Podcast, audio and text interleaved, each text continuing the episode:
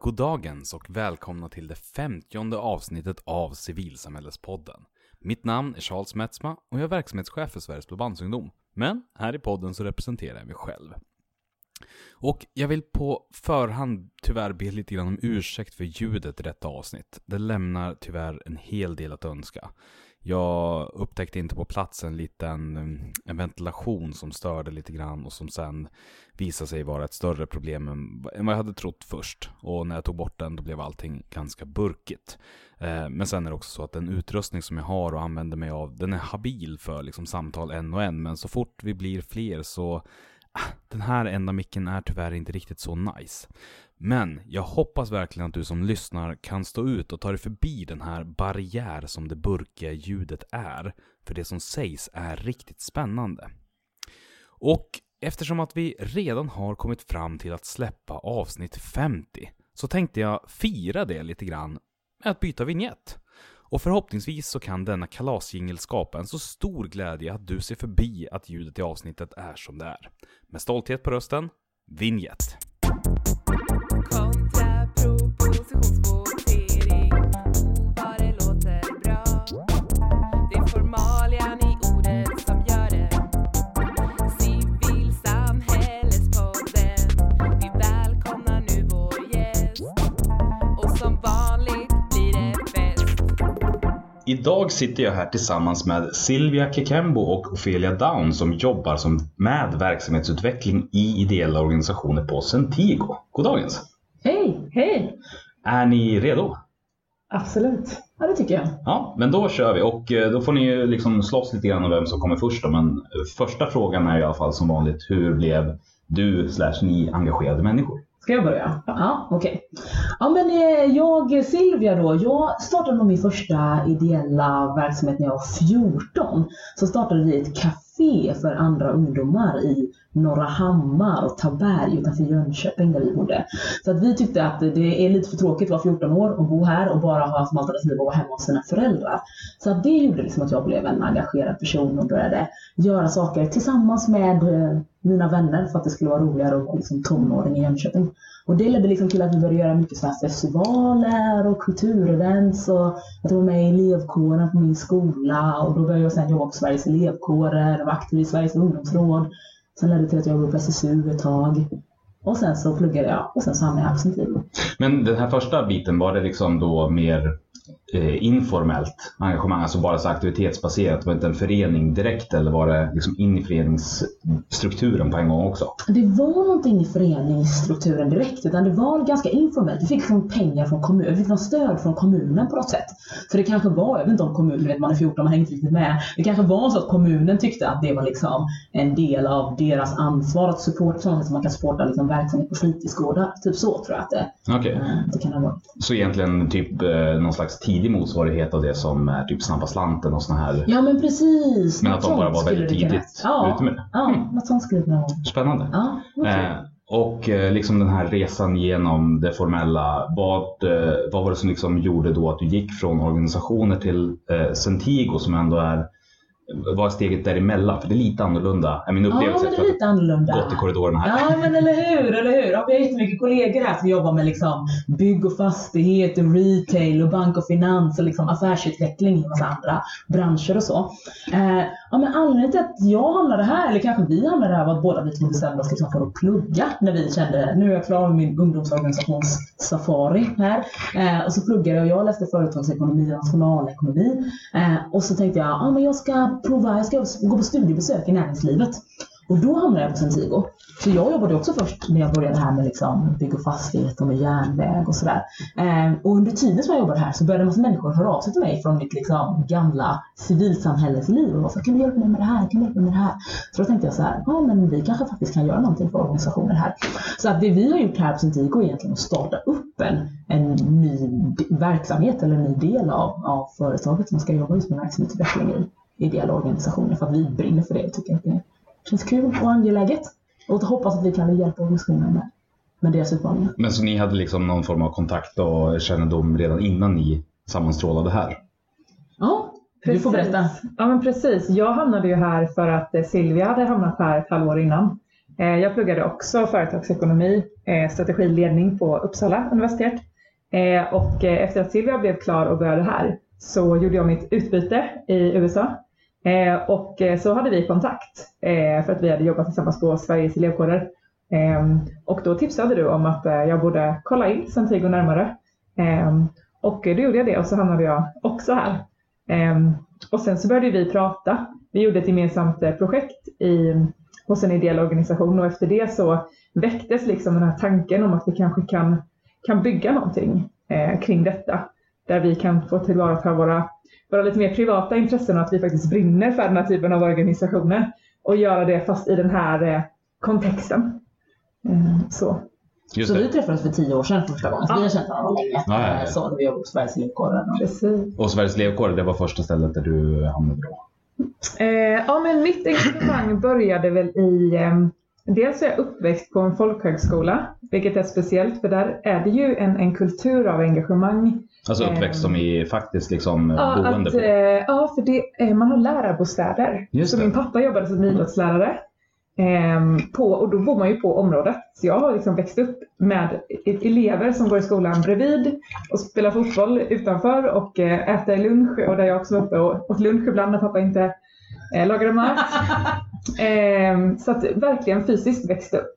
Och det präglade mig tror jag en, en del. För att det är den typen av, av lärare som, som jobbar där som är väldigt engagerade. Man är ju där eh, mycket av ideologiska skäl. Ehm, och sen så när jag var 13 och började högstadiet så engagerade jag mig i eh, Ungdomens nykterhetsförbund. Så det var liksom min väg in i, i liksom det klassiska föreningslivet.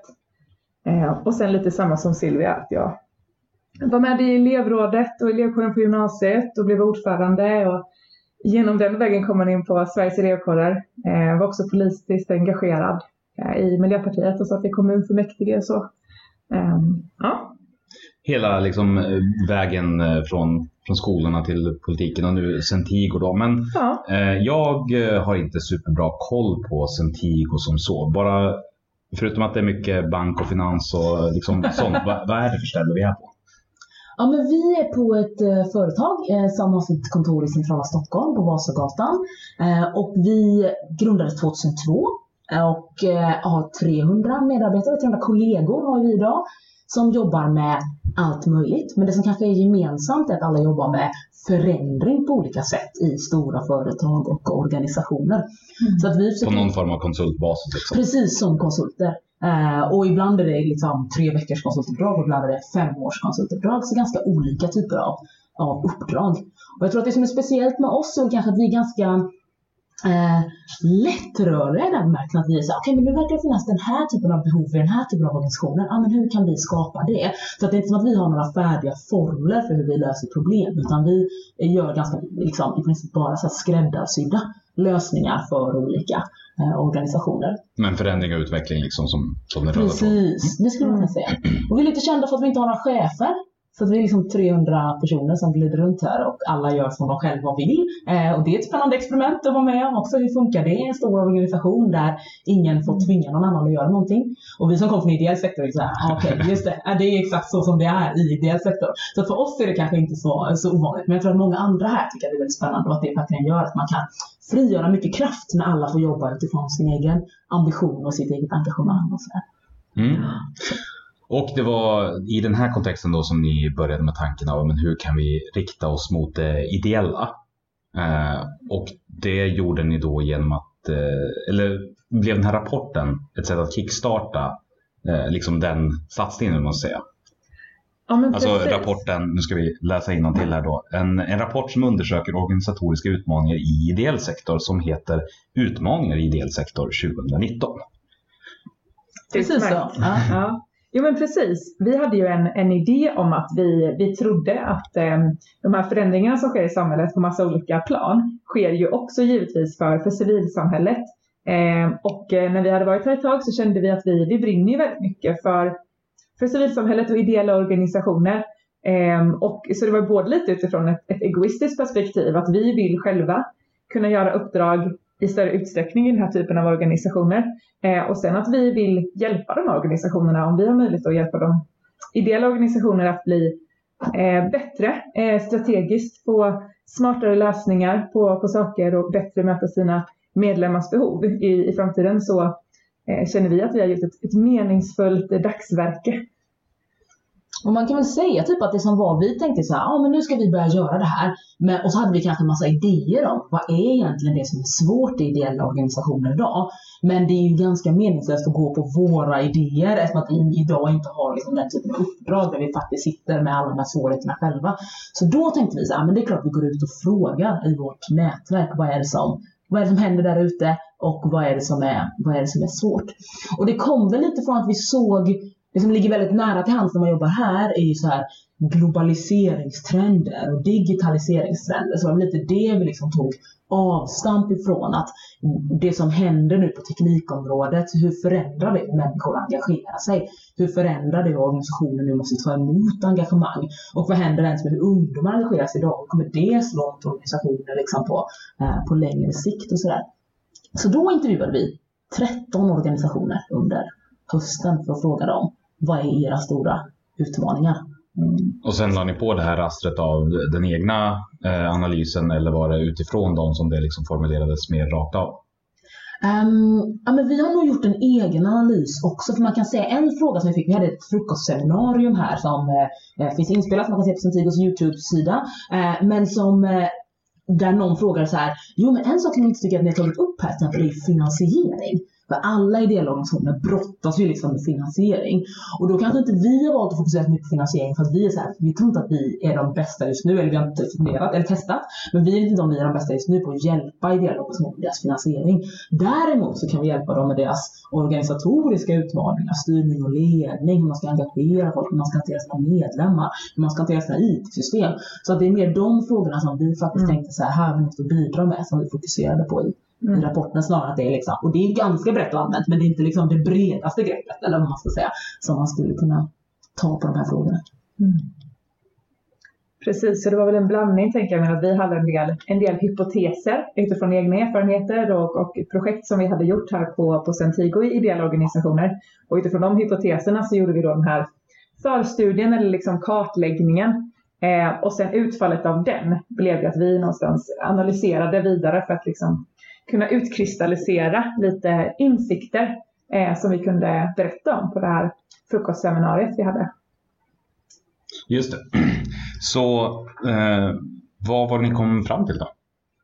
Ja, men vi hade fem stycken liksom, slutsatser som vi tyckte var intressanta att lyfta upp och som vi lyfte fram i den här rapporten och på seminariet.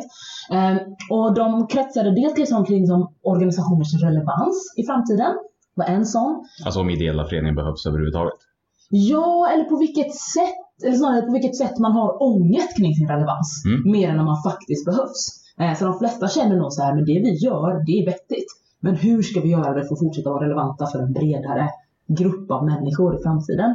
Så dels lite relevans, lite kring medlemskap och hur medlemskap har förändrats och hur man ska hantera det. Lite kring engagemang och framtida former för engagemang och nya former för engagemang med allt som som händer som sagt kopplat till digitalisering.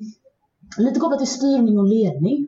Hur får man stora organisationer att göra det som kongressen har beslutat om och att få det att hända i, liksom, i steg i organisationen ner till liksom, den enskilde ideellt aktiva eller den enskilde tjänstemannen. Och hur får man då hända tillräckligt snabbt i den här världen där allt rör sig snabbt? Och lite kring automation eller automatisering som är en så här teknisk grej men som vi tyckte var jättespännande och såg att ideella organisationer hade en utmaning med. Mm. Så det var de liksom fem områdena som vi eh, touchade på i mm. rapporten. Och eftersom att jag inte har läst den så kommer jag inte ihåg dem utan till. Men mm, dyk ner i valfri eh, så börjar vi med att fördjupa oss där. Mm. Eh, ja, men, men eh, en del handlar ju om det här med, med engagemang. Eh, och som Silvia sa så handlar det någonstans om att, att engagemangskulturen har förändrats. Hur man engagerar sig för vem och och i vilka former där det innan var väldigt tydligt att man hade liksom fysiska forum, eh, man engagerade sig mycket mer liksom där, man, där man var, där man fanns. Eh, och nu har saker skett. Det finns digitala plattformar, sociala medier som någonstans är nya rum för, för engagemang. Eh, och då har liksom kulturen förändrats och många organisationer har inte riktigt hängt med i, i den förflyttningen. Och där eh, tror, eh, ja, var vår spaning då att eh, man nog måste fråga sig själv vad, hur digitala är vår målgrupp? Och, eh, vissa har ju fortfarande Vissa har väldigt unga personer som primära målgrupper och den generationen förväntar sig på ett helt annat sätt att man ska finnas på Facebook kanske. Det ska vara möjligt att delta på möten över Skype. Eh, men det finns ju också de som har målgrupper som är, är lite äldre som fortfarande tycker att det är eh, naturligt att, att träffas fysiskt och är nöjda och glada med det. Eh, men att man där någonstans behöver titta på utifrån den målgruppen man har. Hur behöver vi möta de förväntningarna och, och bli eventuellt mer digitala? Precis, och det vi kunde se var att de flesta organisationerna kan ju identifiera att det här är en utmaning eller att det här är ett Mm. problem. Men det fanns inte så mycket, vad ska man kalla det, experimentlusta för att hitta typ nya eller moderna eller digitala former för engagemang. Utan man tänkte nog snarare så här, okej men det var föreningsmötet som var vår liksom standard liksom, form för att träffas.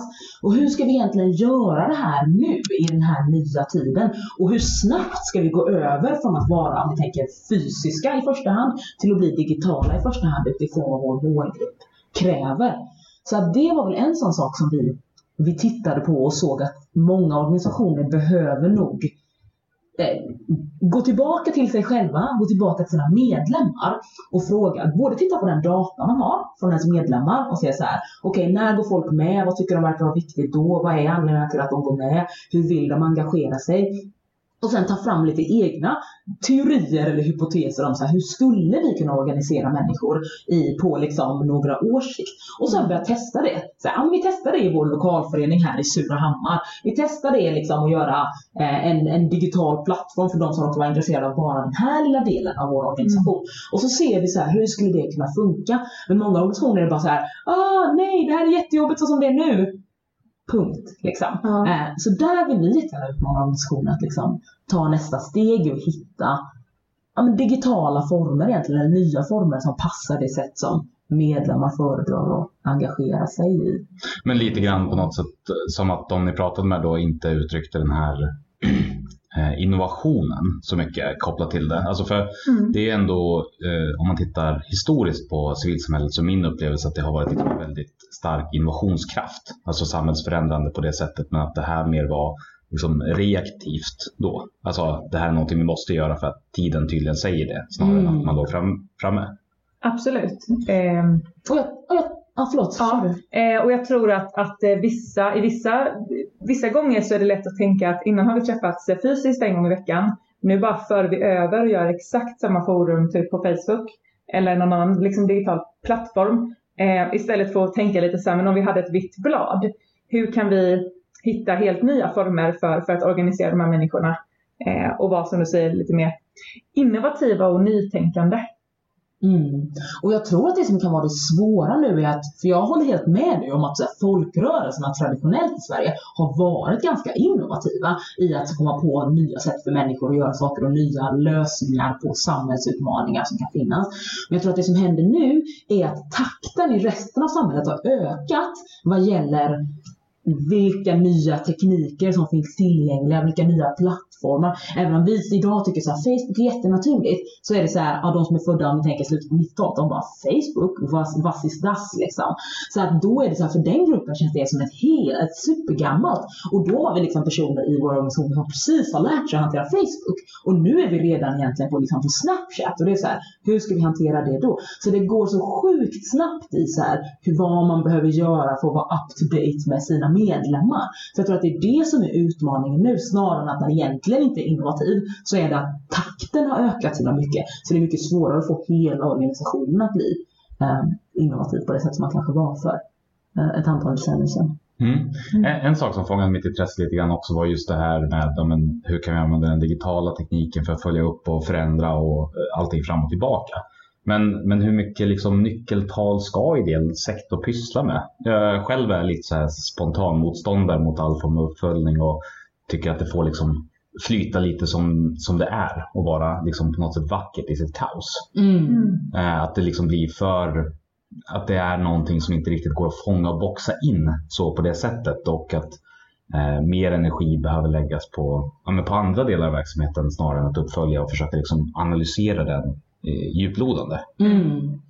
Ja, men du har nog rätt i att det är, vad ska man säga, det kommer vara olika för olika organisationer beroende på vad man har för syfte för sin organisation. Eh, och jag tänker att det finns en del organisationer som är insamlingsorganisationer som jättegärna vill öka sina, eh, sina medel till cancerforskningen. Och så finns det en del organisationer som är liksom intresseorganisationer. Vi vill bli så många som möjligt för att kunna påverka så mycket som möjligt. Och sen finns det kanske en del organisationer som bara är sociala organisationer. Med så här, vi vill träffas och utöva det här intresset. Och då kanske man inte har ett lika stort behov av att liksom, eh, vara lika eh, vad ska man säga, hålla stuprået i taktpinnen för alla de här olika kommunikationerna som ska ske.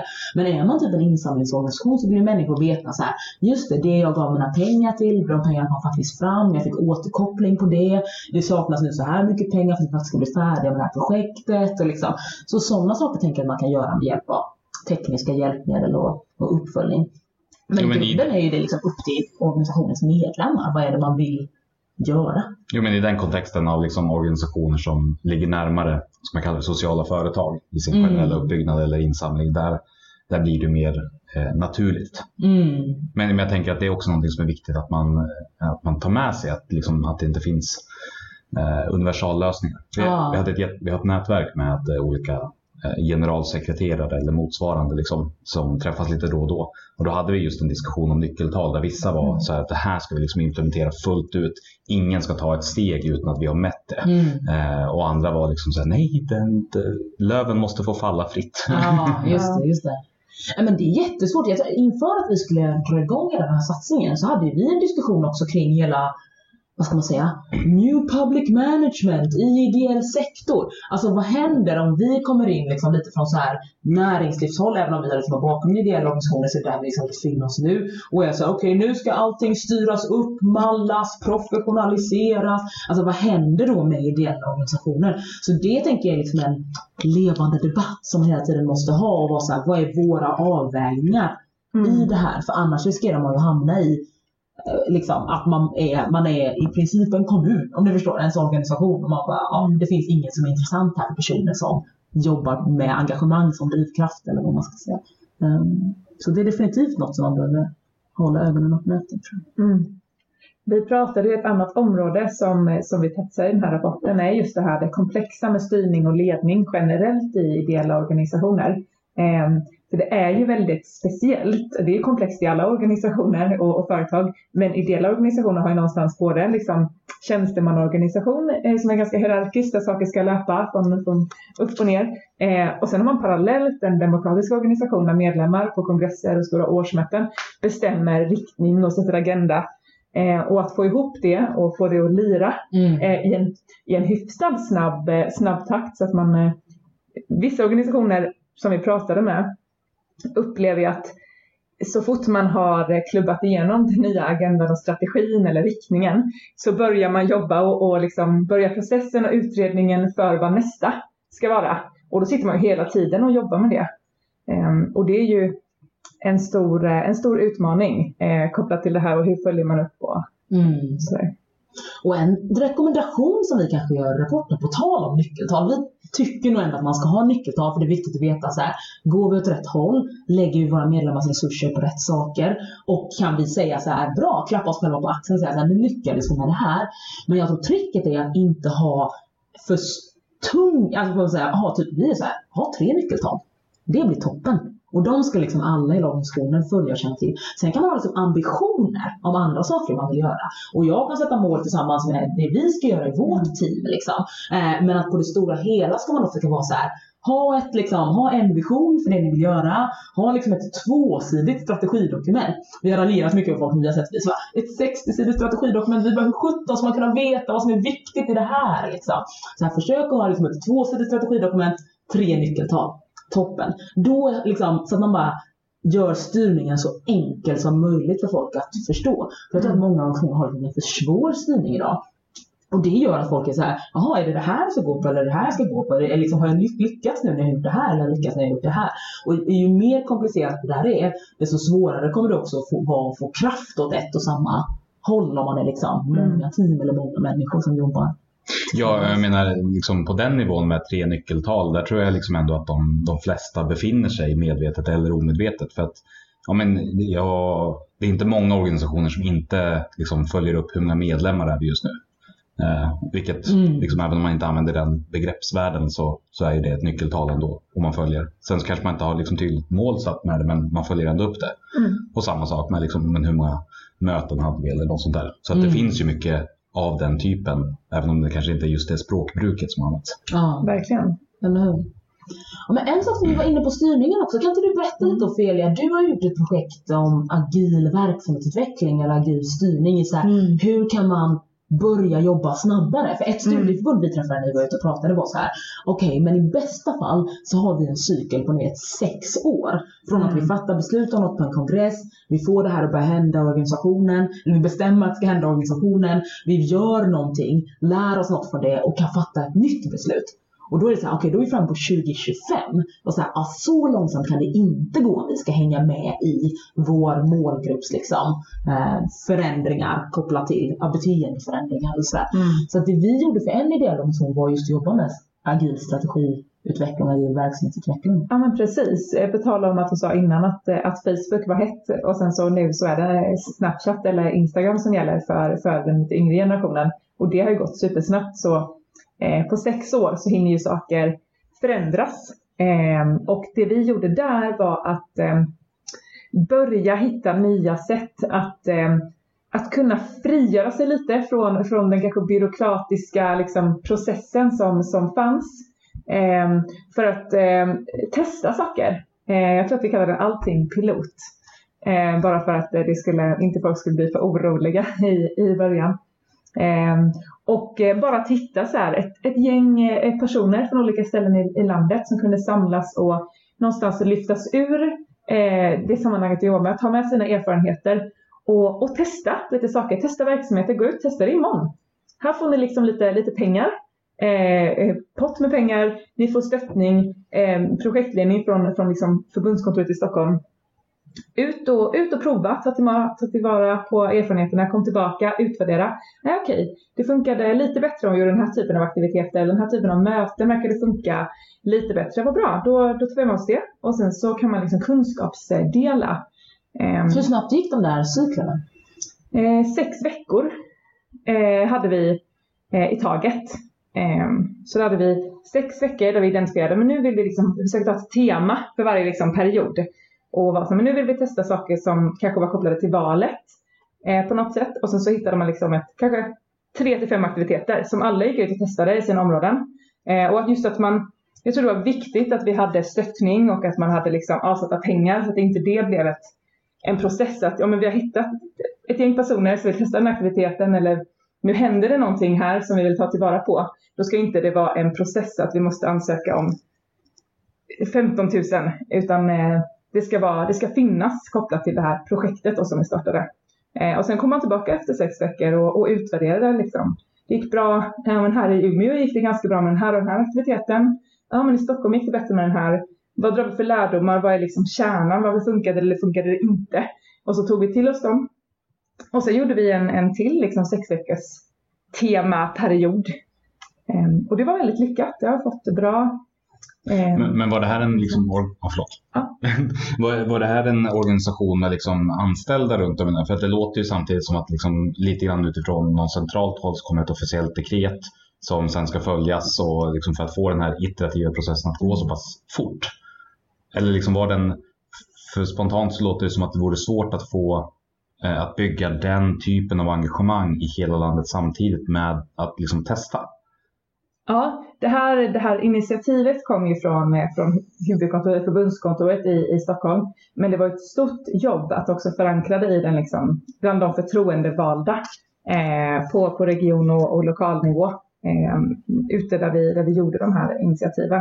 Eh, så där var det viktigt att de var, de var med. Sen är det ju såklart en fördel när man har personer som är anställda som har någonstans 40 timmar i veckan eh, att göra saker och det är lättare att kommunicera och nå varandra och, och sådär. Ehm, Men de förtroendevalda var ju, var ju en stor nyckelfaktor. Mm. Eh, För någonstans ville vi inte komma ut, bygga någonting Och sen så när vi försvann, eller initiativet försvann, eller projektet var avslutat, så drogs det tillbaka och sen så var det som vanligt. Utan det här var ju någonting som vi ville skulle kunna inspirera till en, idé och ett arbetssätt och en metodik som någonstans skulle kunna finnas kvar ute i, i organisationen i alla led. Ja, och det är inte på något sätt svårt eh, att få till det heller i annat fall. Men det var bara det att jag tänker att förankringsprocessen ser lite annorlunda ut än som den beskrevs. Om, om man bara jobbar mot ideella. Ja, ja, delvis tror jag. Sen måste det på lite hur, hur stor organisationen är. I det här fallet så var vi uppe och pratade med förbundsstyrelsen och, och regionordföranden och i vissa fall liksom på lokalavdelningar för att, eh, för att få med oss dem på, på spåret och få liksom ägandeskap. Ehm, och så det tror jag man hade kunnat lyckas med i en, i en organisation med bara ideella personer också. Det hänger jättemycket på deras eh, engagemang och om de tror på idén.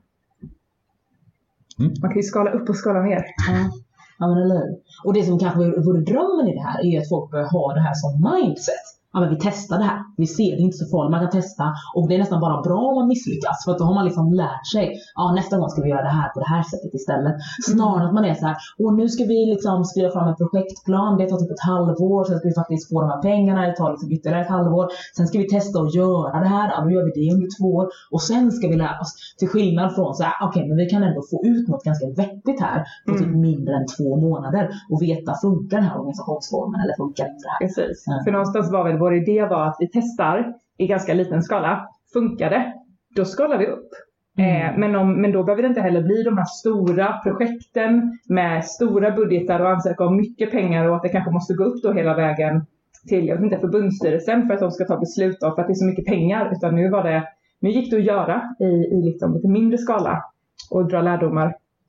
Det jag också tror att man gjorde var att eh, man jobbade ganska mycket på det, den organisationen så satt man ganska mycket i sina egna avdelningar. Så även om man satt i samma hus och kanske till och med på samma våning så um, pratade man inte så mycket med varandra. Så där provade vi också att bara plocka in i de här projekten. Men vi plockar en från kommunikation och vi plockar någon från liksom, IT eller någon från ja, press, opinion Eh, och bara delar liksom, eh, erfarenheter och, och tankar i det här projektet. Och det gjorde ju att saker också fick snurr mycket snabbare. För i annat fall så kanske man gör ett projekt och sen kommer man på att man behöver också en kommunikationsplan eller man behöver content på något sätt. Ehm, och då ska man gå till en kommunikationschef och få till någonting. Men om de är med från början och man bara fått lite tid av någon så är det ju mycket lättare, mer informella vägar. Ja, och eh, jag liksom har suttit och tänkt lite grann mer nu under tiden vi har pratat och det som blir den här första reaktionen att men den typen av process det funkar ju inte i den och den organisationen för där finns inte den typen av framåtanda men samtidigt så kan ju den typen av aktivitet också vara något som skapar just den avsaknaden framåt. Verkligen. Och i den här organisationen vi jobbade så skulle jag inte säga att det var helt självklart från början att vi skulle jobba på det här sättet. Men det som är bra med det är att det behövs ju bara en person egentligen som vill och får liksom mandat eller tillåtelse från sin chef eller liksom sin styrelse att testa det här sättet att jobba.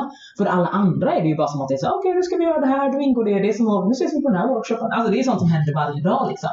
Och i det här fallet så, okej men vi har förankrat ganska brett, men vi involverade kanske bara, vadå, sju, åtta personer liksom. Ja, ah, toppen. Då så är det ganska lätt att få det att, eh, få det att hända. Så att det, Men engagemang föder ju engagemang. Ja men precis, precis. Så att det var det som var kul Absolut. att se här, att det blev en massa spännande följdeffekter som man inte heller kunde räkna med Ja, från början. Eller man kunde inte i alla fall förutse vad det var man skulle lära sig, utan man var tvungen att göra det för att lära sig. verkligen. Och jag tror egentligen att vi bara var typ tre från början. Mm. Alltså, och sen så, så var det någon nyrekrytering och då passade vi på för den personen visste inget annat. och lite sådär. Ehm, men där tror jag att, att ehm, ja, som sagt det var en eh, Ja, det var lyckat. Men en stor del var ju, för där fanns inte så mycket framåtanda heller skulle jag säga. Så en nyckelfaktor var ju att kalla det mycket test. Vi bara provar lite, vi testar i den här liksom, inom de här ramarna. Så kände folk att det var tillräckligt liksom, ja, oskyldigt eller liksom inte så hotfullt och så här, ja, vad kul att ni är lite engagerade ungdomar eller personer som vill göra lite grejer. Det kan ni få göra. Gör ni då. Ja.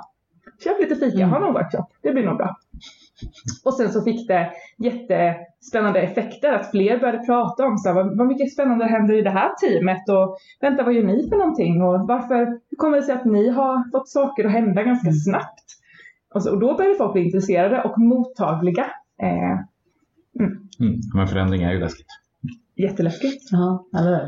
Eh, Jag kom på det också som, som ett tips att slänga in. Jag tänker eftersom att vi tidigare i alla fall pratade om det här med att Facebook kanske är lite ute och Snapchat och Instagram är lite mer eh, i ropet eh, för den yngre målgruppen. Eh, Statens medieråd släpper ju varje år en rapport som jag tror heter Ungar och medier. Eh, där de liksom går igenom vilka åldrar använder vilka verktyg för kommunikation. Så om man vill hålla sig liksom, eh, uppdaterad om vad kidsen använder så, så Och ett vad bra andra ställe. snart kommer att ja, ja. ja, men Det är superbra tips att utgå från som vad ska man säga, offentlig data som finns. Liksom. Det andra alternativet är att gå ut och prata med människor, men det är alltid lite läskigare. Verkligen. Ja, men sånt underlättar ju. Absolut, det finns ju jättemycket redan så man behöver inte komma på allting själv. Eller Mm. göra jobbet själv. Och eh, det var då det ena området, liksom, hur man hänger med i, i samtiden. Eh, Mm. Eller vad, men- det hette någonting annat. Ja, men vi hade, dels pratade vi lite om engagemang, sen pratade vi lite om styrning. Vi skulle kunna slå in på den vi har öppnat våra, vårt frukostseminarium med och så har ju varit att prata om relevans och organisationers egen ångest över sin framtida relevans. För det vi kunde se i, i den här studien var ju att många organisationer som var äldre än 50 år, undantaget egentligen studieförbunden och organisationer som jobbar med målgrupper som är väldigt utsatta. Alla de andra organisationerna hade liksom någon form av existentiell oro, eller vad man ska säga, och frågade sig så här, kommer vi vara relevanta för vår målgrupp år 2030? Och svaret var, vi vet inte. Vi skulle kunna vara det, vi skulle inte kunna vara det. Och det berodde inte så mycket på att man inte har ett vettigt syfte. Alltså de allra flesta ideella organisationerna som finns, undantaget jag vet inte, några på extremhögern, jag vet inte. Alltså har ju liksom ett vettigt syfte. Men man har liksom hamnat i ett läge där den formen som vi liksom utövar det här syftet i idag, är det någonting som folk kommer tycka är intressant även i, i framtiden.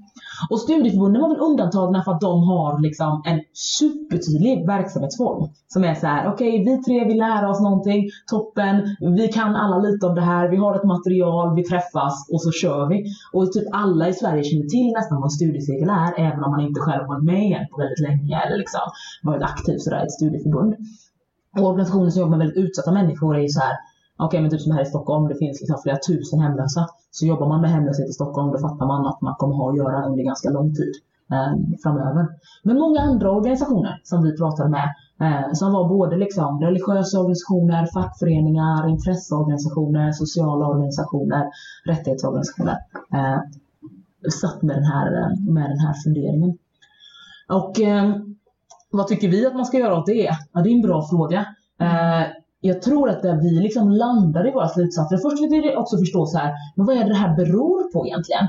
Och vi såg väl lite olika skäl för olika organisationer. Jag tror för fackföreningsrörelsen så är det att hela arbetsmarknaden förändras och fragmentariseras, liksom, eller fragmenteras kanske det heter, mer och mer och mer. Som gör att basen för ens organisering blir liksom så himla mycket mer uppdelad. Och det är någonting som är väldigt svårt. För många andra organisationer som är väldigt stora och funnits väldigt länge, så har man liksom drabbats av någon form av så här institutionaliseringssjuka. Man bara finns och ingen vet varför. Och är man egentligen engagerad här, man bara, man vet inte. Och det är så himla otydligt vad man som medlem ska göra eller vad man som engagerad ska bidra med. För man tror typ att den här stora ideella organisationen finns, det är typ en kommun. Och kommunen är man inte engagerad i precis. Man betalar skatt och man bor där och man förväntar sig viss liksom, service. Men det är inte så att man är engagerad i den. Liksom. Såvida ingenting går fel. Ja men precis, Ja. precis. Och då går man ut och demonstrerar mot den. Liksom. Och den fällan har liksom en del ideella organisationer fallit in i. Att folk tror nästan att så här, det här är en offentlig service som bara ska finnas där. Liksom. Mm. Sen så är det vissa som har fallit in liksom mer i företagiseringen. Alltså att man har eh, tagit bort så mycket av sin liksom, själ eller vad man ska säga och bara liksom kommersialiserat det man erbjuder. Så att folk kan inte se skillnad på om man är liksom kund eller medlem. Och då har man också krav som om man vore kund och så vill bidra som om man vore kund, det vill säga med sina pengar men annars inte, inte alls. Liksom. Um, och så har vi också några fallit in liksom i storskalighet. Man gör så många olika saker att man är såhär, vad är egentligen syftet med våra olika, olika delar? Och jag tror vår rekommendation här var väl egentligen att försöka se verkligheten som den är. Att många av de här trenderna är svåra att, säga att det liksom, om man tänker megatrender på något sätt i världen, typ som globalisering och sånt fragmentiserar arbetsmarknaden. Ja, men det är svårt att försöka kämpa emot det som en enskild organisation. Utan då kanske man snarare ska vara så här, okej men hur tror vi att vår målgrupp vill organisera sig 2030? Och försöka ta höjd för det redan nu medan man har muskler på plats eller vad man ska säga. Um, och samma sak om man har drabbats liksom av institutionalisering. Alltså vad kan man göra? Vilken del av ens verksamhet vill man bara liksom ta bort typ? Eller är det så att man borde bli en stiftelse istället så man faktiskt blir mer av en institution och mindre av en medlemsrörelse. Men att man, för just nu tror jag att det är många som inte gör vägval, eller vad man ska säga. Och därför så kommer det bli väldigt svårt om man tänker på 10 eller 15 års sikt för att man inte gjorde vissa viktiga vägval idag. Eh, och då sitter man istället och kör liksom alla parallella spår. Eh, vilket gör att det kan bli ja, men splittrat i organisationen. Man vet inte vad man ska lägga sina resurser på eller vad man ska ha sitt liksom, strategiska fokus. Eller så. Mm. Jag upplever när man pratar med den typen av organisationer, det är de som, när man ska försöka vara så här, okej men varför ska jag bli medlem? Varför ska jag bli medlem i den här organisationen? Och så kan de inte riktigt på ett snabbt sätt formulera ett svar, för det finns så många olika, man har eh, många olika anledningar, man skulle kunna ha liksom många olika argument för ett medlemskap, men det kommer, man har gjort så mycket i organisationen och man har så mycket olika typer av verksamhet att det är svårt att identifiera. Eh, ja, så. Jo, men du ska bli medlem därför att. Eh, för det finns också många organisationer, så varför ska man bli medlem eller ge pengar till just din organisation? Ehm, eh, det upplever jag när man just pratar med den typen av organisationer, att det, det är en sån här kärna. Mm. Ja, men lite grann det, jag brukar beskriva det tillstånd som mätt, glad och nöjd. Alltså att en organisation har liksom kommit så pass nära sitt syfte eller liksom att verksamheten flyter så pass bra att det på sikt blir någonting som är destruktivt för organisationen i sig själv därför att den fungerar så pass bra att man inte behöver arbeta med det här liksom engagerandet och Mm. allt det som brann och drev i början.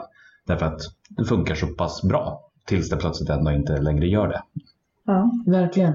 För det, men alltså, vi såg en väldigt tydlig skillnad sett mellan de organisationer som är äldre än 50 och de som är liksom yngre än 50. I den märkelsen att de som är yngre var så himla mycket i kontakt med sitt syfte fortfarande. Lite som båda ni två var inne på. Vad är det man ska göra i man? Nej men vi hjälper människor som är nya i Sverige och människor som bor här innan att mötas. Det är det vi gör. Och sen så kan man göra det på hundra olika sätt. Och du kan engagera dig genom att signa upp dig i den här appen. Man bara, ah, jättebra, jag fattar. Liksom. Dels vad det, är det ska bidra till, varför vi gör det här och hur jag ska kunna vara med. Men i de organisationer där de sakerna har blivit otydliga så är det jättesvårt för människor. Man, man kan tycka om en organisation hur mycket som helst och solidarisera med dess syfte hur mycket som helst. Men om man inte förstår så här hur man själv ska kunna bidra, då blir det liksom jättesvårt för en att eh, Mm. bli engagerad eller liksom fördjupa sitt, eh, Verkligen. sitt engagemang. Och också behålla tror jag förtroendevalda och, och kanske givare eller medlemmar. Eh, för den lojal, man, man är lojal eh, men, men man vill ju känna tror jag, när man, eller jag kan känna det om, ur, personligen att om jag ger pengar eller om jag är engagerad i en organisation så vill jag liksom att det ska leda någonstans. Och om jag känner att det blir lite, så här, lite stiltje så, så ja, finns det andra organisationer där jag känner att mitt, mitt engagemang får liksom större kraft.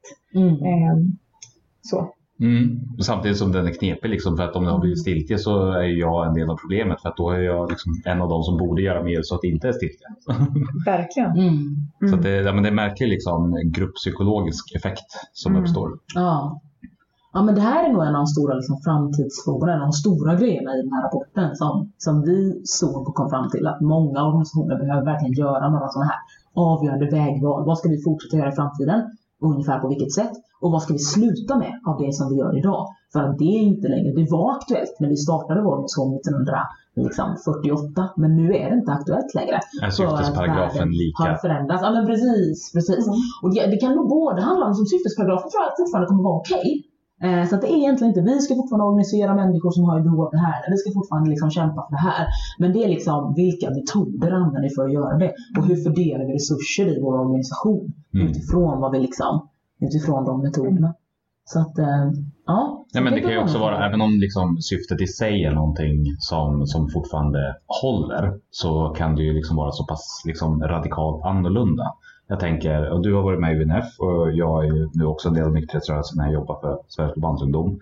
Alltså när alla de här rörelserna drog igång, när liksom människor söp ihjäl sig själva i stor skala, då var ju liksom behovet så pass mycket större. Alkoholen är fortfarande ett problem i samhället, men liksom inte i närheten av att kunna jämföras med liksom den grund som liksom drog igång rörelserna. Mm. Så att liksom hitta fotfästet också för hur ska den här frågan formuleras och vara levande i den här kontexten. Mm. Eh, inte hur såg det ut förut när, vi, liksom, eh, när det var lätt att hitta aktiviteter att göra eller ja, vad det nu kan vara. Mm. Verkligen. Samtidigt tänker jag att vi har haft hela den här vad heter det, opioider, opiater, vad heter den här knarkformen eller så här, som inte är olaglig men som människor har dött av i jättehög utsträckning förra året. Fentanyl. Fentanyl, ja men precis. Där man är så här, där tänker jag om man är liksom en, en nykterhetsrörelse, nu spånar jag fritt. Men liksom att det finns ju ganska mycket saker fortfarande att göra kopplat. Så, så syftet är egentligen, skulle jag säga, inte irrelevant liksom, utan det är mer så här, okej vilka former har vi?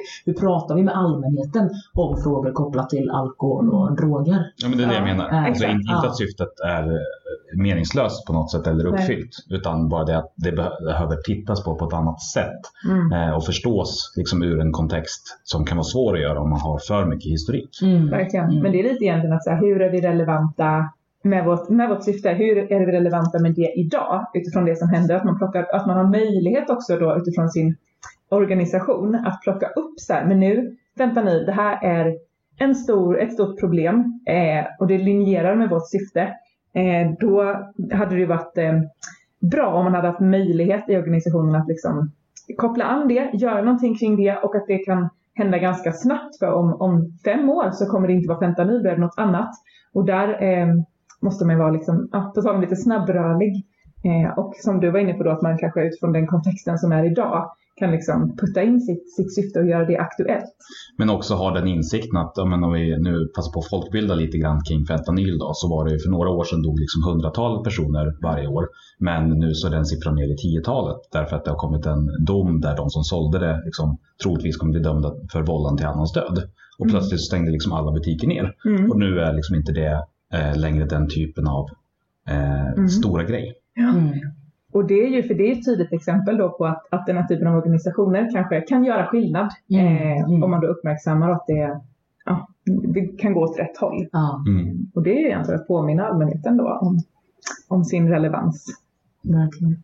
Men det som är svårt här också, som jag tänker i alla stora organisationer, särskilt de här gamla stora folkrörelserna, är att det inte alltid så heller för jag tänker att vi ofta träffar på, när vi är ute och pratar med människor, så träffar vi med den enskilda eldsjälen i organisationen. Den som bara, vi vill vända upp och ner på allt. Vi ska vara superrelevanta år 2030. Jag har supermycket energi för att göra det här. Och så är det så här, så bara kommer en person hem till en organisation.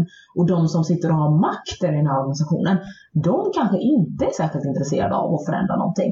Alltså att det är en ganska tuff uppgift. Liksom, vi har framför oss, alla, alltså alla vi som verkar i ideell sektor eller i civilsamhället, att faktiskt vara så här, hur ska vi liksom vända om våra organisationer så att vi faktiskt klarar av att möta 2030 liksom stora och starka, eller vad man ska säga.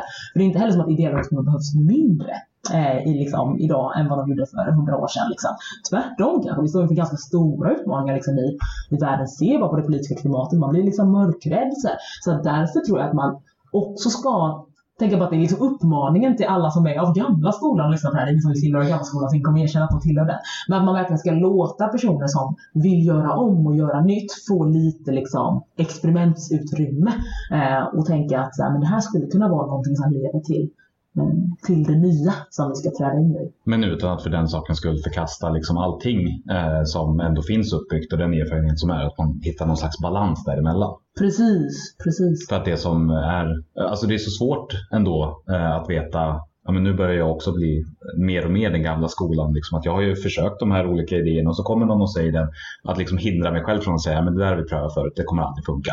Att inte säga det men samtidigt liksom förmedla att okej, vi kör, men det skulle kunna bli så här, så tänk på det här. Mm, Eh, och liksom mm. ge vägledning men inte bli en stoppkloss. Ja, ja men verkligen. Jättebra insikt. Och den insikten och den balansen eh, tror jag jättemånga eh, behöver, behöver jobba med då och titta på.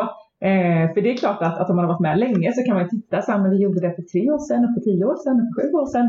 Eh, och det gick inte. Och som du säger, att ändå låta folk, är det någon som är superpeppad, att ändå våga låta någon köra. Eh, men som du säger, vägleda den lite. Mm, mm. Eh, och kanske vara lite så här, men tänk på de här eh, som eventuella framgångsfaktorer. Eller? Eller det här sket sig när jag gjorde det, gör inte på Ja. det sättet eller hitta ett sätt att göra det bättre än när jag själv gjorde det. Ja, Precis. Var smartare än vad jag var. ja. Ja, precis. Ge det som en utmaning snarare än ett, eh, en antipepp. ja men? Precis. Och finnas där som stöd då Mm. eh, också tänker jag. Så här, men vad bra, vad, vad behöver du liksom för, för att göra det? Samtidigt som det är så jävla svårt att liksom se någon liksom springa det här gatloppet som man själv har gjort och veta att det kommer liksom inte sluta bättre någonstans. Men samtidigt kanske det är det enda sättet att få den lärdomen. Men att inte säga det. Och sen vet man ju inte. Alltså jag tänker jättemånga som har lyckats med saker eh, i, i världen har ju provat eh, en miljon gånger innan de lyckades. Mm. Så någon gång så, jag tänker också att man måste våga tro på att så här, men kanske denna gången. Kanske att det nu är, är en bättre kontext, man har bättre förutsättningar. Kanske denna gången att man får lära sig rätt personer eller är på rätt plats. Det är bra timing eh, och då kommer det funka. Mm. Jo men precis. Och att ha den ödmjukheten. Även om det är lätt att säga men svårt att liksom efterleva i praktiken. Verkligen. Vad hade vi mer för skojigheter i det ni kom Ja, fram men vi till? har två spaningar kvar då. Mm. Eh, En spaning som hade var kring medlemskap. Eh, och handlar om så här, att i många organisationer som vi pratar med så är det ganska otydligt vad en medlem är eller vad en medlem bör vara och vad man vill att medlemmen ska ha för upplevelse av organisationen eller resa genom organisationen. Alternativt hur den här resan faktiskt ser ut idag.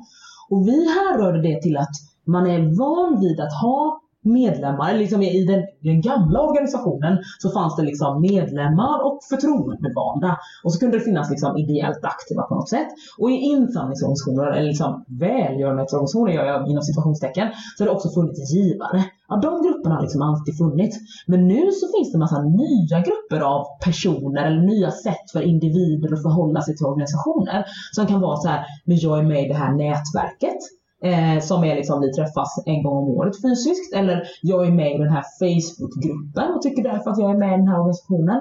Eller jag är liksom en ambassadör som jag utför olika aktiviteter. Eller jag är en eh, sekundär målgrupp på något sätt i en organisation. Jag är liksom rektor i förhållande till typ en elevorganisation. Liksom. Så, att nu, så, här, så alla sådana här relationer som tidigare var så här, ah, medlem organisation har liksom blivit medlemsgivare, ambassadör, volontär, ideellt aktiv förtroendevald organisation. Så det finns liksom jättemånga olika former för att ha en relation med en organisation. Och de flesta organisationerna verkar inte helt säkra på vilka av de här målgrupperna har vi? Vilka av de här målgrupperna vill vi ha? Vilka av de här målgrupperna är viktiga för vår verksamhet? Vilka är viktiga för vår legitimitet? Vilka är viktiga för vår finansiering? Och istället här, på samma sätt som med, med relevansen och 2030, så är man så här, det här är en tuff puck. Vi fattar inte ett beslut. Och så låter man liksom bara verkligheten fortsätta rinna på. Fast det egentligen är så att man skulle ha mycket enklare om man sa så här, ja, men vi kommer bara ha medlemmar. Det finns inga supporters och ambassadörer ideellt aktiva. Vill man vara med så är man medlem och då får man det här och man har de här rättigheterna och ens liksom upplevelse av organisationen ser ut ungefär på det här sättet. Man blir kontaktad på det här sättet, man får den här medlemstidningen och så vidare. och så vidare. Men så man skulle egentligen behöva sätta ner foten lite mer och bestämma sig för så här, vilka grupper egentligen vill ha. Ska man kunna vara med i flera grupper? Hur ska de egentligen relatera till, till varandra? Vad händer när man ingår i en sån? Mm, men alltså att det här skulle vara ett nytt fenomen. Ja, men vi såg att, vi vet inte om det är ett nytt, vi tror att det kan vara ett nytt fenomen också liksom i vad ska man säga, efterbörden av hela digitaliseringen. Att det är det som är typ som jag som ser mig som att jag är med i en, en jättestor Facebookgrupp som heter Street Guys. Och vi är liksom, det kanske är 6000 personer med i den Facebookgruppen eller 8000, något sånt. Och där är jag ju liksom medlem och jag deltar i diskussioner och jag kan ibland dyka upp på någon fysisk aktivitet. Men jag har ju ingen rättighet egentligen som medlem som jag har som medlem i Röda Korset till exempel, eller som medlem i min bostadsrättsförening eller vad det skulle kunna vara. Så att det har liksom luckrats upp egentligen de här medlemsprogrammen. Sen är det inte helt, samtidigt så har liksom Coops kundklubb, nu är det KF en kooperativ organisation. Eh, Clas Olsson har liksom en kundklubb där man kan vara medlem. Jaha okej, är jag liksom medlem? Det är, jag har ju ingen rättighet över Claes Olsson, jag får bara poäng eller något. Alltså det är så här jätte, som jag ska köpa min sak. Alltså sådär. Så att jag tror att många är liksom, verkar, som vi, som vi såg i den här studien i alla fall, så verkar många vara så här, oj vi har alla de här olika grupperna och sätten att förhålla sig till vår organisation. Hur ska vi liksom renodla i det? Eh, verkar tycka att det är typ en utmaning för, eh, för tiden framåt. Men jag tänker nog ändå att det, det kanske upplevs som ett nytt fenomen men, men jag skulle nog ändå vilja påstå att det antagligen har funnits liksom i alla tider. Alltså det som idag är en Facebookgrupp kanske tidigare var torget eller kaféet eller liksom en annan samlingsplats där liksom många samlades och tyckte sig tillhöra någon form av idéyttring eller rörelse av något slag utan formellt medlemskap. Och, alltså, eh, folk träffades på kyrkbacken på söndagar och utbytte idéer eller vad som helst. Där, där liksom samma typer av mekanismer eh, har funnits men här så tillskrivs det lite grann som någonting nytt därför att digitaliseringen känns som om liksom, Mm. att den förändrar allt. Mm. Det behöver inte nödvändigtvis vara nytt. Eh, Det kan vara så att det här är ett problem som har funnits liksom sedan länge. Men det är nog definitivt ett faktum att det är en utmaning idag. Men Det är mer kanske alltid synligt har kanske. varit en utmaning. Ja men precis.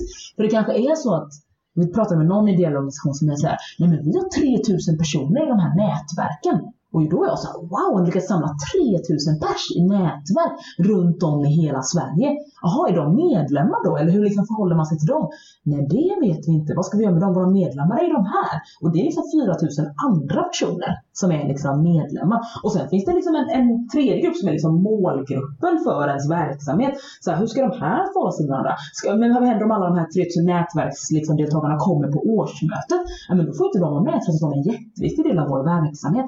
Så att det fanns liksom en massa sådana oklarheter, eller vad man ska säga, i eh, vad olika grupper av människor ska ha för rättigheter inom organisationen och beslutanderätt. Och, eh, och tvärtom sen, nej vi vill inte vara de på. De skulle kunna kullkasta hela vår organisation och bestämma något helt annat. Är det rimligt eller är det inte rimligt? Liksom? Och hur ska man förhålla sig till, till det? Mm. Ja, men just att, att den biten har blivit mer synlig på det sättet. Mm. Eller att eh, framförallt så går det att skala upp det på ett helt annat sätt. Därför att ja, men tidigare i den fysiska världen så var det ändå begränsat av det fysiska. Eh, Det går ju inte att samla liksom nationellt på det lösa sättet lika enkelt. Det går ju att ha en brevskrivarklubb men det kommer liksom aldrig, eller det kommer vara mycket svårare att skala upp det på samma sätt. Mm. Och kanske att man hade bättre koll då. Om man sågs på torget. Man hade kanske lite eh, koll. Det Anderssons kusin var också med på fiket idag och, och sådär. Jag träffade den här personen i kyrkan och jag tror det som du såg exemplet med de här 3000 personerna i nätverk. Det har man ju ingen aning egentligen om vilka, vilka det är och de kan som du säger, de kan befinna sig på alla olika ställen i, i hela landet och kanske till och med utomlands. Men när du satt på fiket så var det liksom inte en grupp med 100 personer som stod över axeln och lyssnade på vad ni pratade om och inte deltog. Nej men, eller hur? Ja men så det här tror jag att många organisationer behöver reda ut för sig själva. Och det är egentligen nästan inte, vad ska man säga, det är klart att det är komplext. Men det är nog inte svårare än så att man bestämmer sig för att man ska reda ut det. För jag tror att det som många lider av nu är att man inte fattar ett beslut om hur man ska hantera alla de här olika grupperna. Och vilka av dem man ska satsa på eller inte satsa på. Och vilka låter vi bara bli, vet, så här, ah, givare. Hur ska vi egentligen hantera dem? Ja, men de är nog ändå ganska viktiga för att vi ska kunna bedriva vår verksamhet. Ja, men då behöver de få den här typen av behandling eller vad man ska säga av vår organisation eller rättigheter i organisation. Ja, men medlemmar, de behöver vi av det här skälet. Men de här Facebookgrupp-likarna, okej, de är typ viktiga, men de kanske inte är personer som vi är så här, vi kommer lägga supermycket resurser på att liksom hantera dem. Så det viktiga är nog att man bestämmer sig för vad är det vi vill? Vad är det som funkar bra för vår organisation? Liksom. Titta på vad som finns och göra medvetna val. Ja men precis, precis. Mm. Ja. Skulle jag kunna säga. Ska vi gå in på den sista? Ja, men vi har ju en eh, som vi tyckte var spännande som handlar om eh, automatisering. Eh, där vi... Jag tycker också spontant att det är jättespännande. ja, vad det ja. Men vi kände oss lite som aliens när vi pratade om automatisering eller automation. Alla var såhär, men vad är det ni har tittat på? Vad är det ni har pratat om? Ja, men precis. För jag tror att det är ju ett, på ett sätt lite abstrakt ämne och jag tror att vi pratade om det innan att är man inte så, så här, tech-intresserad så kan ju det kännas väldigt långt bort att det är så här robotar och automatisering och vad är det ens? Eh, men eh, eh, någonstans så- det är en trend som, som kommer mer och mer och sen i vissa, om vi tittar på våra kollegor och sådär och, och på Centigo och, så får man ju insight i, i den mer privata sektorn och där är det klart att det kanske finns ett annat tryck. Att så här, men vi måste kanske av resursskäl titta på hur kan vi liksom effektivisera den här liksom ganska manuella processen eller varför sitter alla med fem olika Excel-dokument och sen manuellt för över saker emellan kan vi liksom hitta ett sätt att göra det. Så där finns det väl ett, ett an, andra incitament. Men vi, vår spaning var ju att eh, det här är någonting för, för ideella organisationer att, eh, att titta på för vi tror att det skulle kunna hjälpa till väldigt mycket i, i det vardagliga. Ehm, Och det vi såg var väl att vi trodde nog kanske att fler ideella organisationer skulle tycka att det här var intressant. Med tanke på, för det du sa om att typ spara in på resurser, så är det, så här, är det någonting man vill göra i ideella organisationer så är det så här, lägga så lite pengar som möjligt på typ admin och kring aktiviteter som inte är själva kärnverksamheten. Men vår spaning i liksom rapporten är att alldeles för få organisationer, eh, eller inte alldeles för få, men få organisationer verkar tycka att det här med automatisering är, eh, är intressant. Skulle inte du kunna ge några fler exempel på vad, vad skulle det här kunna vara i en organisation som man skulle kunna automatisera?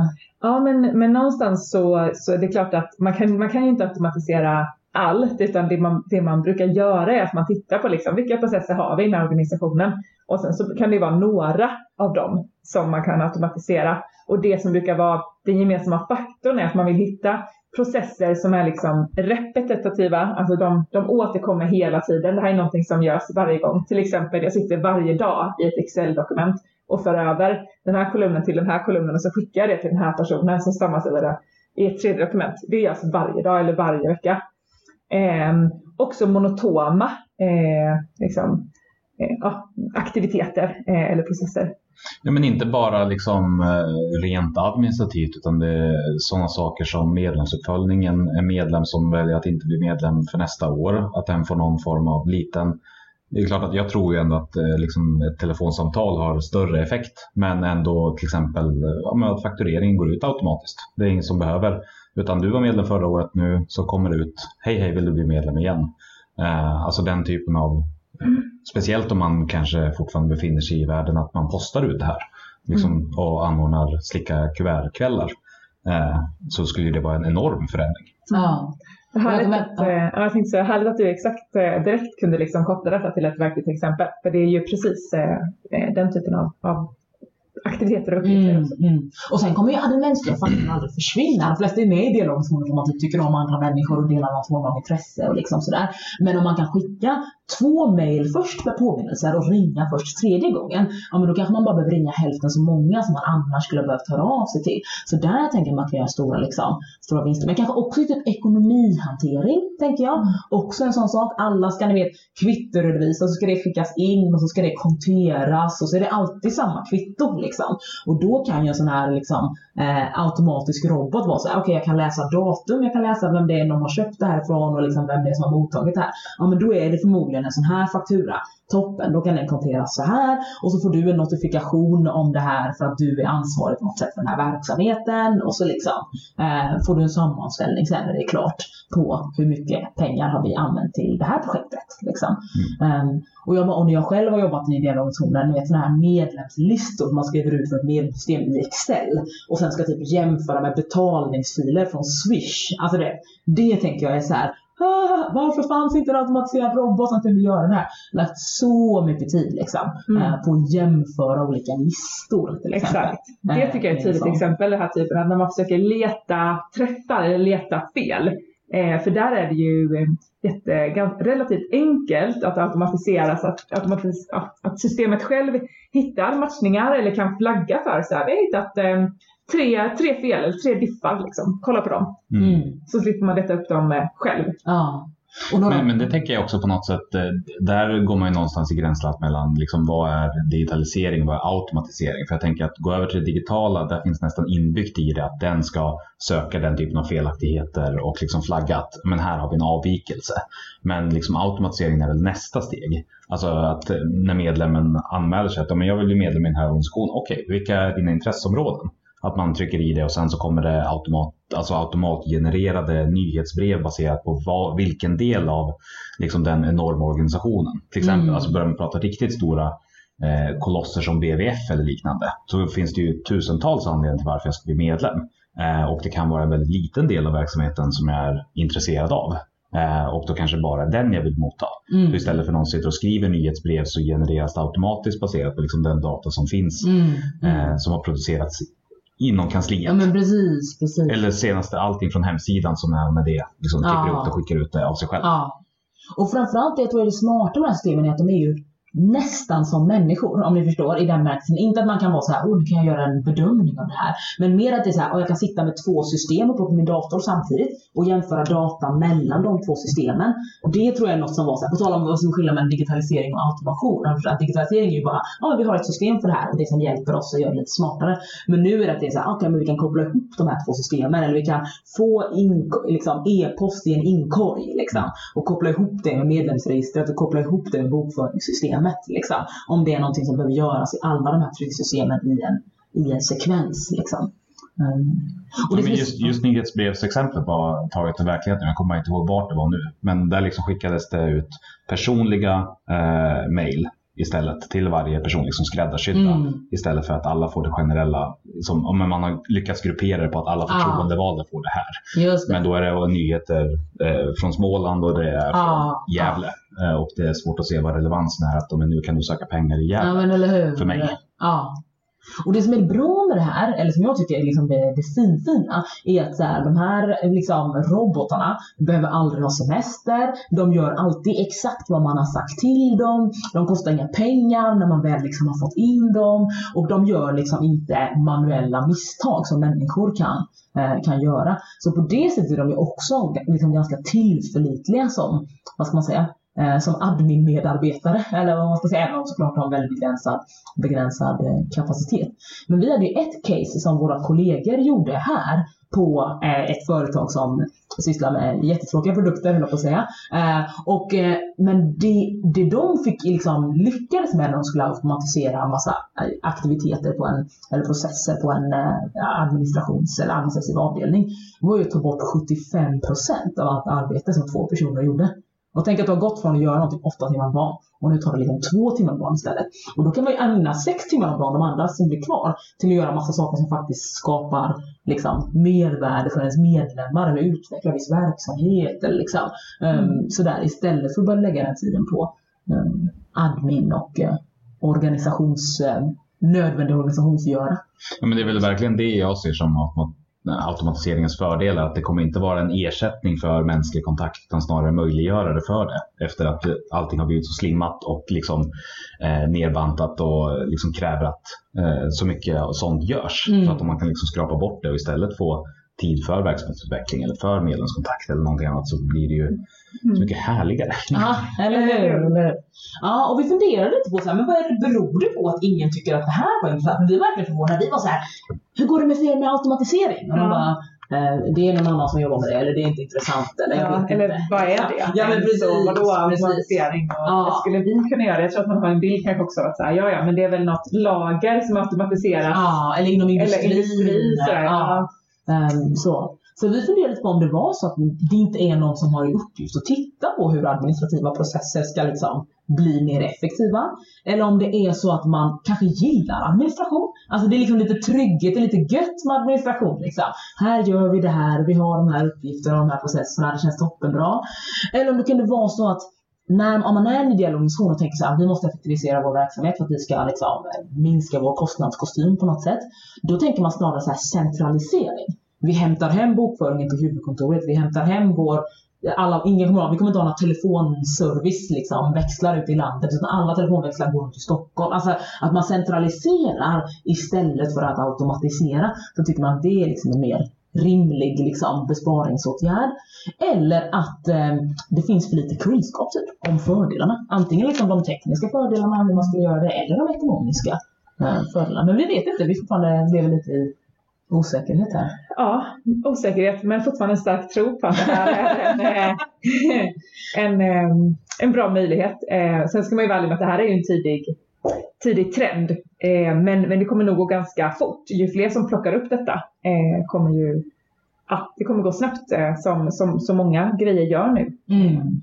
Ja, men jag tänker spontant, jag är nog mest benägen att luta liksom åt det sista just det att eh, kunskapsläget i kombination med att det är liksom ganska outforskad mark. Inte bara för den som inte kan utan för alla. Mm. Alltså att eh, det finns eh, en oändlig mängd möjligheter men ganska mm. få liksom, tydliga lösningar i dagsläget. Det går inte att gå till automatiseringsaffären och köpa automatisering. Eh, för att det är liksom fortfarande på den eh, skräddarsydda nivån nästan alla lösningar som, som jag lyckas hitta och titta på i alla fall. Och då blir det ett så pass mycket större projekt. Alltså Mm. tröskeln är fortfarande relativt hög. Ja men så kan det vara. Vi samarbetar tillsammans med en plattform som heter U- UiPath, alltså U-I-P-A-T-H. Eh, och där kan man ju själv lära sig hur man bygger, alltså de har massa gratis onlinekurser. Där kan man själv lära sig hur man bygger en sån här autorobot som kan hantera olika program i ens dator.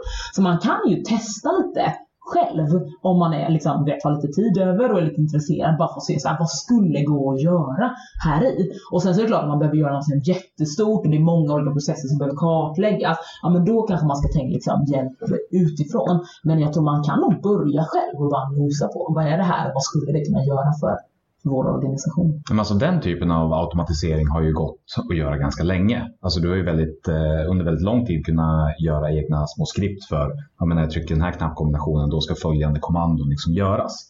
Det intressanta här är ju liksom att få den automatiserade och den lite smartare varianten av det. Så att den förstår att ja, men det är inte vänsterklicka två gånger, dra höger, klistra in, kopiera över dit. Utan den här typen av data, ja, men den ska nog antagligen dit. Och sen liksom lära sig det allt eftersom att jo, men så är det den ska hanteras. Mm. Men jag tror att det som är nice med det här systemet är också att man inte behöver sitta själv och tänka på skriptnivå. Utan du kan liksom lära din dator så här, nu kommer jag göra det en gång. Och sen vill jag att du upprepar det här efter mig. Så man behöver inte vara liksom värsta programmeraren för att kunna göra det här. Utan man behöver bara veta själv. Hur ser den här administrativa processen ut? Vilken data, eller vad som kommer in i min inkorg ska sen in i vilket Excel-dokument och ska sen liksom. Ja, men programmering som har fått ett gränssnitt. Ja men precis, precis. Mm. Ja, bra, bra beskrivet. Verkligen. Och jag tror lite som du sa att man kan ju börja, börja litet. Jag tror att många tänker att det här är nu ska vi göra det ordentligt och det kommer att vara, vara en stor tröskel att kliva över. Men man kan ju bara börja med någonting, någonting litet. Jag tror att när våra kollegor har gjort någonting så har man varit så här, men man kan ju börja bara sitta en dag så har man löst liksom vissa saker. Det behöver inte vara så. Man kan börja med ett lägre trappsteg. Ehm, och sen om man tycker att det är, om man får mer smak så kan man fortsätta. Ja, och framför, speciellt när det kommer till liksom administration där det är ganska lätt att, alltså där processerna är väldigt tydliga. Mm. Det finns liksom få steg eh, Mm. egentligen när man börjar tänka efter. Alltså, men, som ditt exempel med att kopiera över kolumner från en fil som skickas till en annan. Där är det ju ganska enkelt att måla hela processen från början till slut.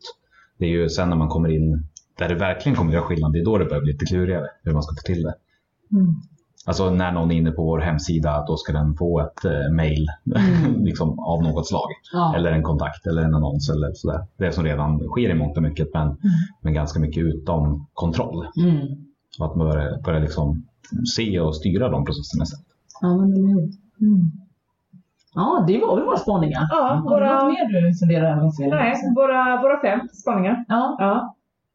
Och man kan ju ladda ner den här eh, rapporten om man googlar utmaningar i ideell sektor 2019 sammanfattning Centigo. Så tror jag att ni hittar den.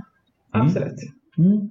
En, eh, en sån här liten bonusgrej som jag slänger in på slutet bara för att jag liksom tycker att det är intressant eh, rent generellt.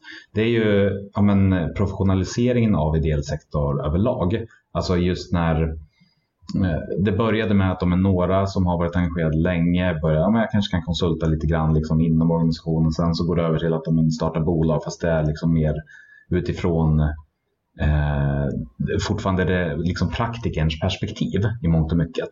Men, men här är det ju liksom någonting annat när den klassiska konsultvärlden också kommer in och möter det här. Vad, kom, vad får det för effekter på lång sikt? Eh, och kommer det här liksom vara någonting som, som är en grej i framtiden också? Eller är ni två entusiaster som råkar ha hamnat på liksom just det här stället? Eller? Jag vet inte, är det tydlig att det är bara lösa tankar. Ja, men jag tror, dels är vi då två entusiaster som råkat hamna på det här stället. Som är väldigt liksom entreprenöriellt i den bemärkelsen att det är så här, men om vi vill göra det, så gör det. liksom. Avsaknad av chefer gjorde att Ja, men precis. Blev att vem som helst får göra vad som helst och vi vill göra det här. Underlättar Eh. helt klart. Ja, det jag tror, anledningen till att det har liksom gått så bra för oss nu i början är för att jag tror att vi också gör lite så här hybriden typ. Mellan så här, okay, men vad kan vi lära oss av alla våra kollegor här som är liksom supersmarta personer och jobbar liksom med sånt som är i framkant på massa andra platser i samhället. Och så kan vi det vi kan från ideella organisationer och se de behoven som finns i ideella organisationer. Och så lyckas vi liksom gifta samman det här, eller vad man ska säga. Så jag tror att det är det också som är liksom att, vad ska man säga, korsbefruktningen mellan olika traditioner, olika kunskapsfält och olika erfarenheter tror jag är det som gör att det blir liksom spännande här. Mm. Och jag vet inte vad det kommer ha för konsekvenser på lång sikt. Men har du någon idé? Nej, jag, jag, jag har ju en förhoppning här när, när vi är här att vi långsiktigt ska kunna bygga upp eh, lite intern kompetens i vårt, eh, vårt team som vi har startat här på, på Centigo för att öka, öka kompetensen kring ideella sektorn och, och en synergieffekt kanske att fler personer engagerar sig ideellt för man får liksom mer smak. Eh, men också att, att eh, vår, vår ambition i att hjälpa ideella organisationer eh, på olika sätt, att, att ideella organisationer blir Ehm, ja, bättre eh, i termer av, av de liksom, spaningarna vi har gjort. Ehm, Mm. Men sen är nog Centigo också ett ganska speciellt bolag. Jag är inte säker på att det här skulle ha hänt på vilken, om ni tänker managementkonsultfirma som helst. Antingen för att man inte tyckte att det här var intressant, eller för att man inte tänkte att det här kan inte bli tillräckligt lönsamt. Eller för att man inte har, vi har ju väldigt mycket en kultur som är, som på många sätt kan påminna om ideella organisationer. Alltså lite mjukare, väldigt så här svenskt och ganska så här, vad tycker du? Hur ska vi göra det här? Alltså som funkar bra i liksom ideella organisationer. Mm. Så därför tror jag också att det är liksom en bra match på många sätt. Ja, för, för det är en sån sak som jag har funderat på ganska mycket själv i och med att jag också kör lite så här små konsultuppdrag på sina. Liksom vart egentligen, vart gör det nytta och vart gör det skada? Så hur, hur pass, att komma in som konsult och säga till ledningen eller till liksom anställda på någon plats att men det här är bra tankar eh, och stärka den ännu mer. Liksom, är det någonting som gör att medlemmen, den som liksom befinner sig någonstans ute i landet, hamnar längre ifrån sin demokratiska möjlighet eller kommer det hjälpa? Eller liksom, de här, på, på någon slags metanivå, vart hamnar medlemmen i när, när den centrala eliten tar hjälp av den andra centrala eliten och sen glömmer bort resten? Mm. Eller det är väl en, snarare en farhåga som skulle kunna ske, inte att det måste bli så. Ja. Ja, men jag förstår vad du menar och det är en jättesvår liksom, fråga, nästan vet, lite filosofisk, Mm. här, vad handlar medlemmen? Men jag tror att en sak som är väldigt mycket vår drivkraft här, även när vi jobbar liksom, med på den kommersiella sidan, är att det är så här, det handlar ju om att följa kunderna. Eller handlar om att följa kundernas kunder. Och i det här fallet handlar det om att följa medlemmarna. Det finns egentligen inget egenvärde i att så här, vi träffar någon som är liksom, generalsekreterare på en organisation och kokar ihop något som vi tycker vore bra för organisationen. Utan det är tvärtom så att man behöver titta på så här, hur uppfattar medlemmar det här? Det kommer ju alltid vara det viktigaste. Om inte medlemmar uppfattar det på ett sätt som är positivt, eller som att man faktiskt fyller de behoven eller svarar mot de förväntningar som medlemmar har, då är allting helt poänglöst. Eller vad man ska säga. Ja, men det är ändå, det är ändå liksom en vändning på logiken när liksom någonting skapas för medlemmarna snarare än att det skapas av medlemmarna liksom för medlemmarna. Alltså att det blir en annan Mm, en, mm. en förändring i dynamiken på något sätt. Ja, ja. Och den tror jag har kommit med vad ska man säga, professionaliseringen av ideell sektor, som liksom där vi började den här diskussionen. Att det är en jättesvår liksom, fråga. Jag tror inte att jag har något svar på hur mycket, vad ska man säga, när slutar gräsrot vara gräsrot typ och när är liksom en bra gräsrotsorganisation som påverkar mycket för professionaliserad och faktiskt kunna vara en bra gräsrotsorganisation. Alltså, Mm. Det är nog hela tiden också en pendelrörelse tror jag i många, eh, i många stora organisationer. Vad tänker du? Nej, men jag håller med och jag kan tänka mig också så att jag tänker på de personer vi har träffat eh, och jag försöker tänka, är det så att eh, fler typ generalsekreterare, kommunikationschefer, förbundsordföranden idag har en, en liksom annan typ av akademisk utbildning så att man också har de personerna som nu sitter i, ledningen i den här typen av organisationer har en annan, annan bakgrund. Där man kanske, innan kanske det var vanligare att man gick liksom nerifrån och upp. Man var engagerad i gräsrotsrörelsen och sen så blev man liksom på regionnivå och sen så satt man i något distrikt och sen så blev man vald eller blev generalsekreterare eller kanslichef eller sådär.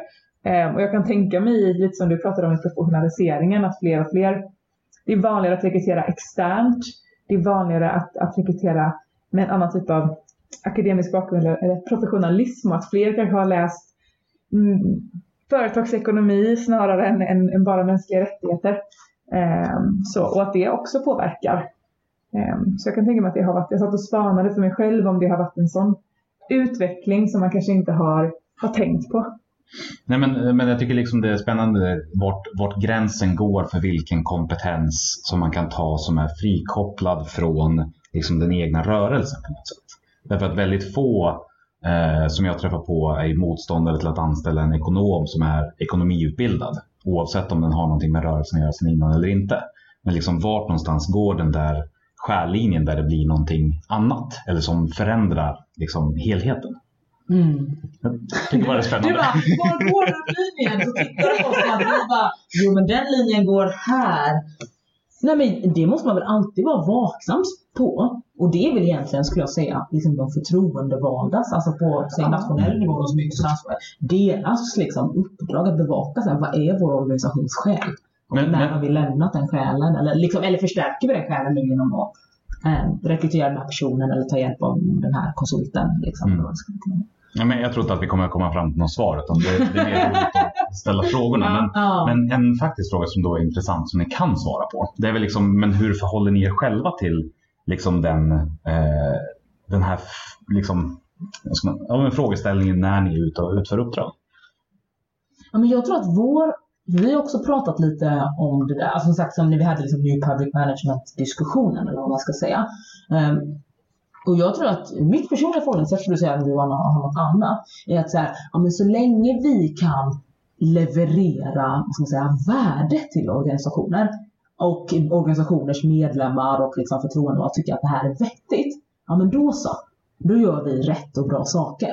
Men om det var så att vi var så här, nej men vi kommer göra det här stora projektet, vi tycker att det är superviktigt med automatisering, ingen av er verkar tycka att det är viktigt och nu gör vi det eh, och det kommer tyvärr kosta er så här mycket eh, och sen så blir det liksom pannkaka.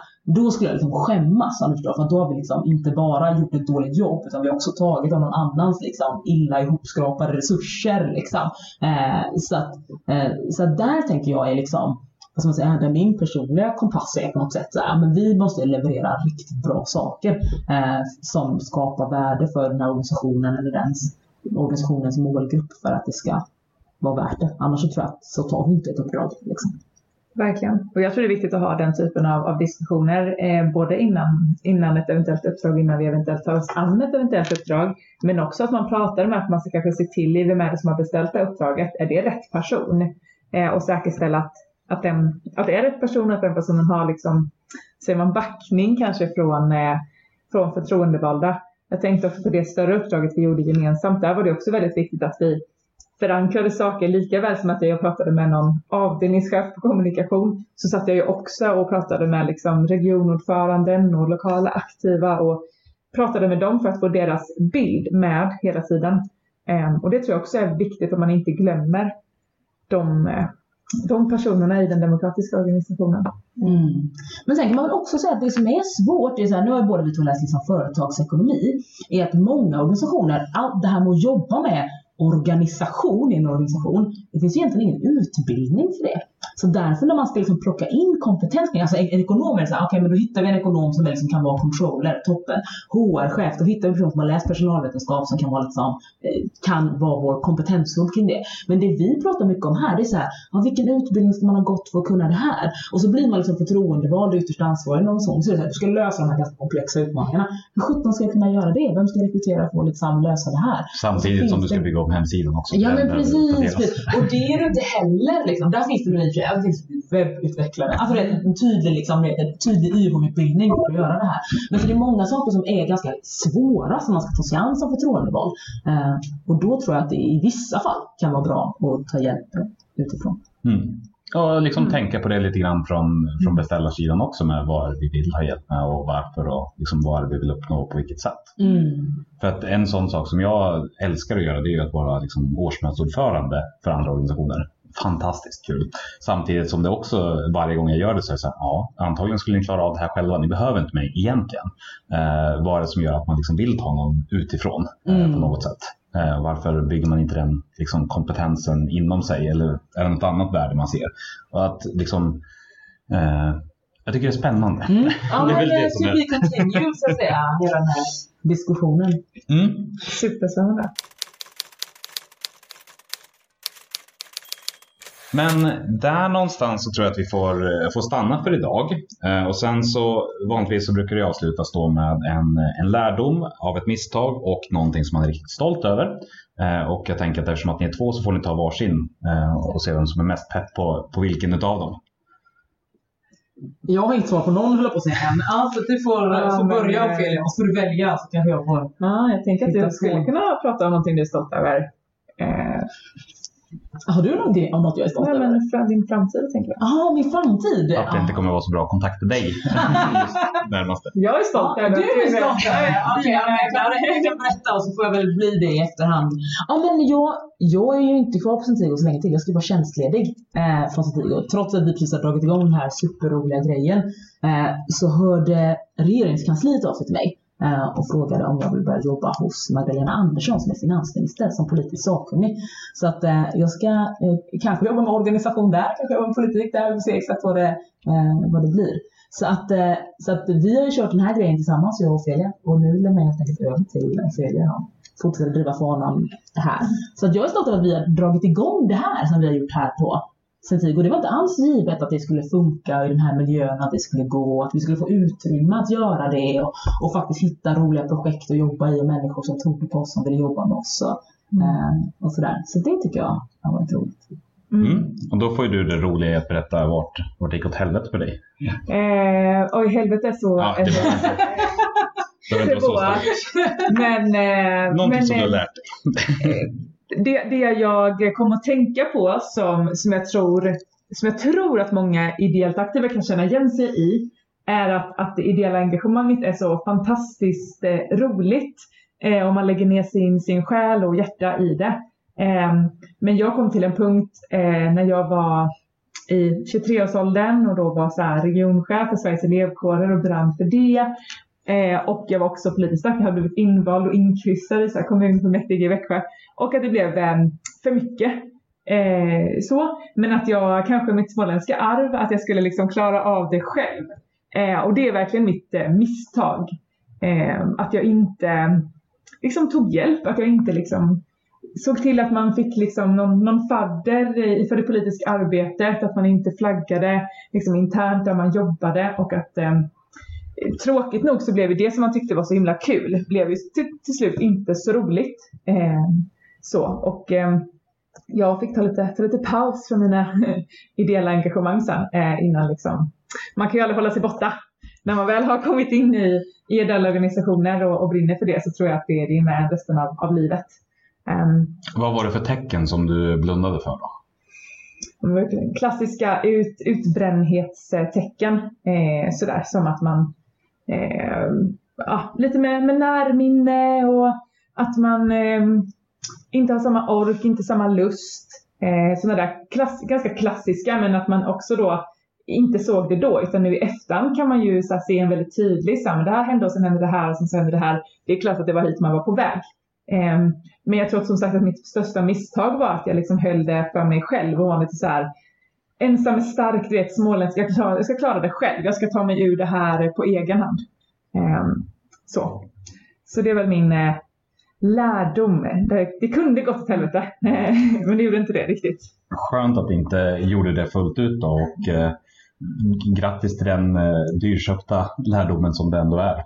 Eh, att vara så pass nära. Och stort, eh, jättekul att du ska fara iväg och eh, pröva liksom doppa tårna i lite andra eh, sammanhang. Ja, det ska bli jätte, jättespännande. Jag har aldrig jobbat statligt innan heller. Så det känns kul att jag har liksom testat ideell sektor, jobbat lite för en kommun, jag har jobbat eh, här i privat näringsliv. Och... Just det, gå från den ideella världen till liksom privatvärlden där det ändå finns någon form av struktur men så kom du till en plats där det inte finns chefer och sen rakt in i liksom regeringskansliet. Ja men eller hur, där det bara kryllar av chefer. Jag vet inte, det är min största oro. Hur ska det gå med alla de här cheferna som jag kommer vägra att respektera?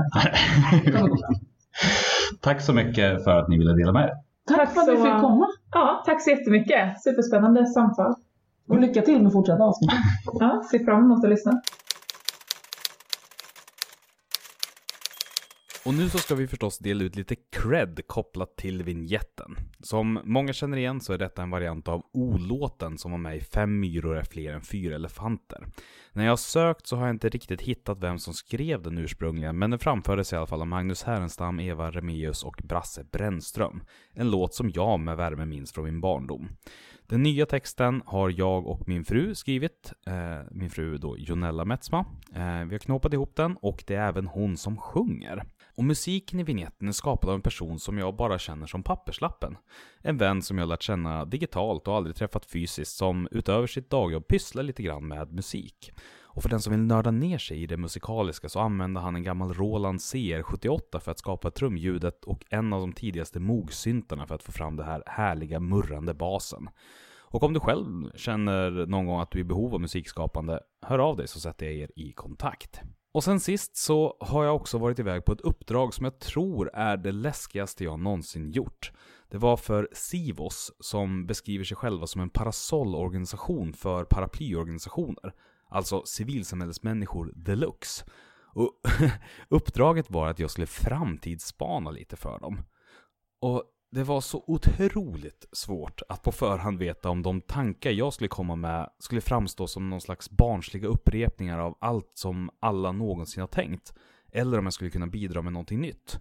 Eller liksom vart någonstans skulle jag lägga nivån. Äh, ångesten inför det här var total och jag är ganska säker på att jag gjorde allt för att tacka nej utom att vara direkt otrevlig. Äh, och tacka nej då.